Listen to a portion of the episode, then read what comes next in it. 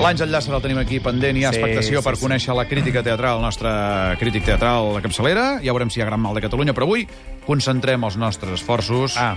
en l'hospital, no, en la biblioteca. Ah, En la al carrer biblioteca. Hospital? Sí, al carrer Hospital. Sí. I l'obra, Albert, O l'obra. això. El Cirano de Bergerac. Ho hem dit set vegades, eh? Sí, home, és que es fa, això? això és a la biblioteca, que la Sí. biblioteca és un espai...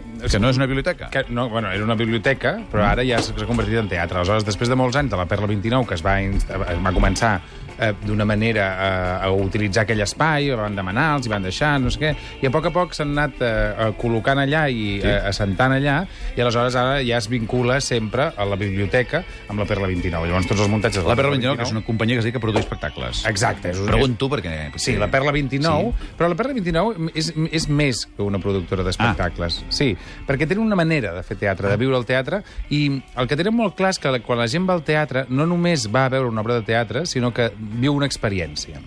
És a dir, tu quan arribes a, a un teatre no et donen una miqueta de vi, o sigui, allà sempre et donen una miqueta de vi o una miqueta d'aigua, Ah. després donen... Sí, és a dir, tu vas allà a passar l'estona mm. i tu et pots servir un gotet de vi amb els teus amics, però sense pagar. No és allò que vas al bar i demanes, no, no. Un gotet Caram. de vi, una miqueta d'aigua, no sé què, seus allà, eh, eh, et diuen... No, no surt una veu que et diu paguin els mòbils, sinó que et diuen, bueno, ara comencem a fer teatre i tal. I aleshores això també està dintre de les obres de la Brogi, però ara després en parlo. Quan en... I amb qui vas anar, Ara, eh? mira, vaig anar, i això és molt important, no, mm, eh, perquè a la, la persona que hi vaig anar, que és el Xavier Bosch, eh, El Xavier Bosch, el Bosch, de veritat.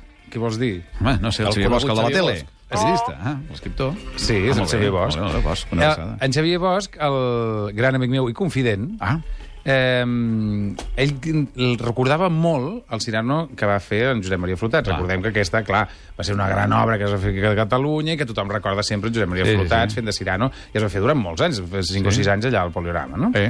I aleshores, eh, el, el, el Xavi tenia eh, sap de memòria Sí. tota l'obra de teatre. Oh, és a dir, sap tots oh. els versos, de que comença fins al final. És una mica friqui com tu en, un, en No, un cert no. aspecte, perquè Sí. tu també tens algunes coses estranyes. Li has dit fric al Bosch, eh? Que ho sàpigues. No, home, perquè saber-se una obra de teatre de dalt a baix és sí. una mica fric. Llavors, clar, jo li vaig dir, Xavi, vine, anem a veure aquesta obra, i... perquè, clar, l'has de veure, perquè Sí, per sí, ell era sí, molt important. I per molta gent que ha viscut a Catalunya i que va, va viure el teatre i que es va dedicar al teatre gràcies a aquell muntatge de Josep Maria Flotats, que ha marcat molt a fons. Fa 20 i pico d'anys que ningú havia fet aquesta obra i dius, per què ningú ho ha fet? Perquè va marcar molt. Ara la torna a fer amb Brogi i, mm, clar, jo patia perquè dic, no li agradarà al Bosch. Sí. Perquè, clar, ell té aquest record, i el record sempre fa com més boniques les coses. Sempre les coses recordades semblen millor. Exacte. I, el, I però no, li va Li va encantar. O sigui, avui la crítica no és de l'Àngel Llàcer, Caram. eh? És del Bosch. No, no, no, és meva. De qui és això?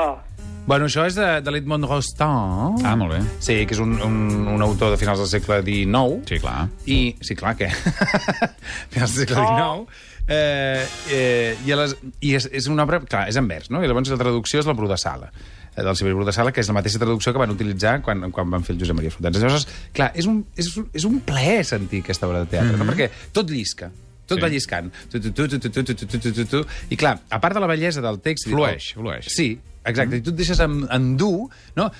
Però aquí no hi ha aquella cosa que tenia el Flotats. Els Flotats ens recordem, no? Que feien... "No, Sí. No, com que anava com recitant. Aquí no, aquí no, aquí no recita, no? Aquí és com... Eh, és... és mm, et deixes endur pel vers, però no hi ha una cantarella, aquesta cantarella típica... No hi ha la cadència, recordem. aquesta. No notes la cadència. No, perquè, clar, tot això ens porta al gran personatge de l'obra, Ah. que és Cirano de Bergerac. Clar. És a dir, aquesta obra s'aguanta, vull dir, no, no s'aguanta per moltes altres coses, però vull dir, si es fa mal fet Sí. el Cirano, Cirano. l'obra no val per res. És a dir, ja poden haver-hi coses que estén millor fetes, pitjor fetes, bueno, doncs no m'agrada no sé què, aquest personatge, aquest actor no acaba d'allò, però si el- l'actor que fa de Cirano de Bergerac no és espectacularment bo o fa una feina extraordinària, allò no va enlloc. Perquè, clar, Cirano és un dels grans personatges de, de, de la història del teatre, perquè és un, és un personatge que és, és intel·ligent, és un líder, és agut, agosarat, valent, impertinent, irònic, eh, dèbil.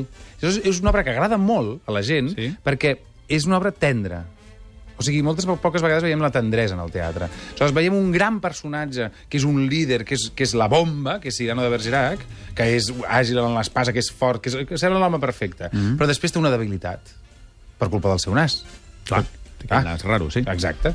I aleshores, eh, aquesta tendresa de veure algú tan fràgil que, quan sembla fort, que això ens agrada molt, no? Mm. És a dir, quan coneixem alguna persona que és molt forta, dius, hosti, és tan fort, que després quan la veus a casa, que és això com vulnerable, doncs ens enamora. Doncs Cirano ens enamora. Igual que enamora... El personatge. Sí. I l'actor Pere Arquillué? Pere Arquillué. Ara. Meravellós! Caram, tu. O sigui, és, És el. Claudi de la Riera, eh? Qui és? El Claudi de la Riera. Home, doncs escolta'm. bueno, doncs eh, aquí també Cirano de Bergerac. Que el Claudi de la Riera, molt bé. Bueno, però, o sigui, tot, tot està en ell. És a dir, eh, si ell ho fes malament, això no aniria enlloc. Clar, la responsabilitat és molt gran. És que és un crac, aquest tio. No, no, és un crac, però brutal. O sigui, sap passar... Jo eh, estava a primera fila, assegut, i l'última escena, hi ha una, una última escena, quan ell ja el- l'ataquen, bueno, tothom deu conèixer més. No, no expliquis No, com no acaba, expliquem. perquè no, hi ha gent que no, molta gent que no. Bueno, hi ha un moment que llegeix un, una carta, Sí. no?, que va escriure... Però sabem aquesta història, no?, que ell vol enamorar la seva enamorada a través del cristià, que és un personatge que és guapo i tal, però com que ell no, com que ella no se fixarà mai amb ell, ell utilitza el cos de l'altre i el seu cervell, i això fa que s'enamori l'altre. Bueno, mm. tothom sap la història, menys tu. Bueno, la qüestió...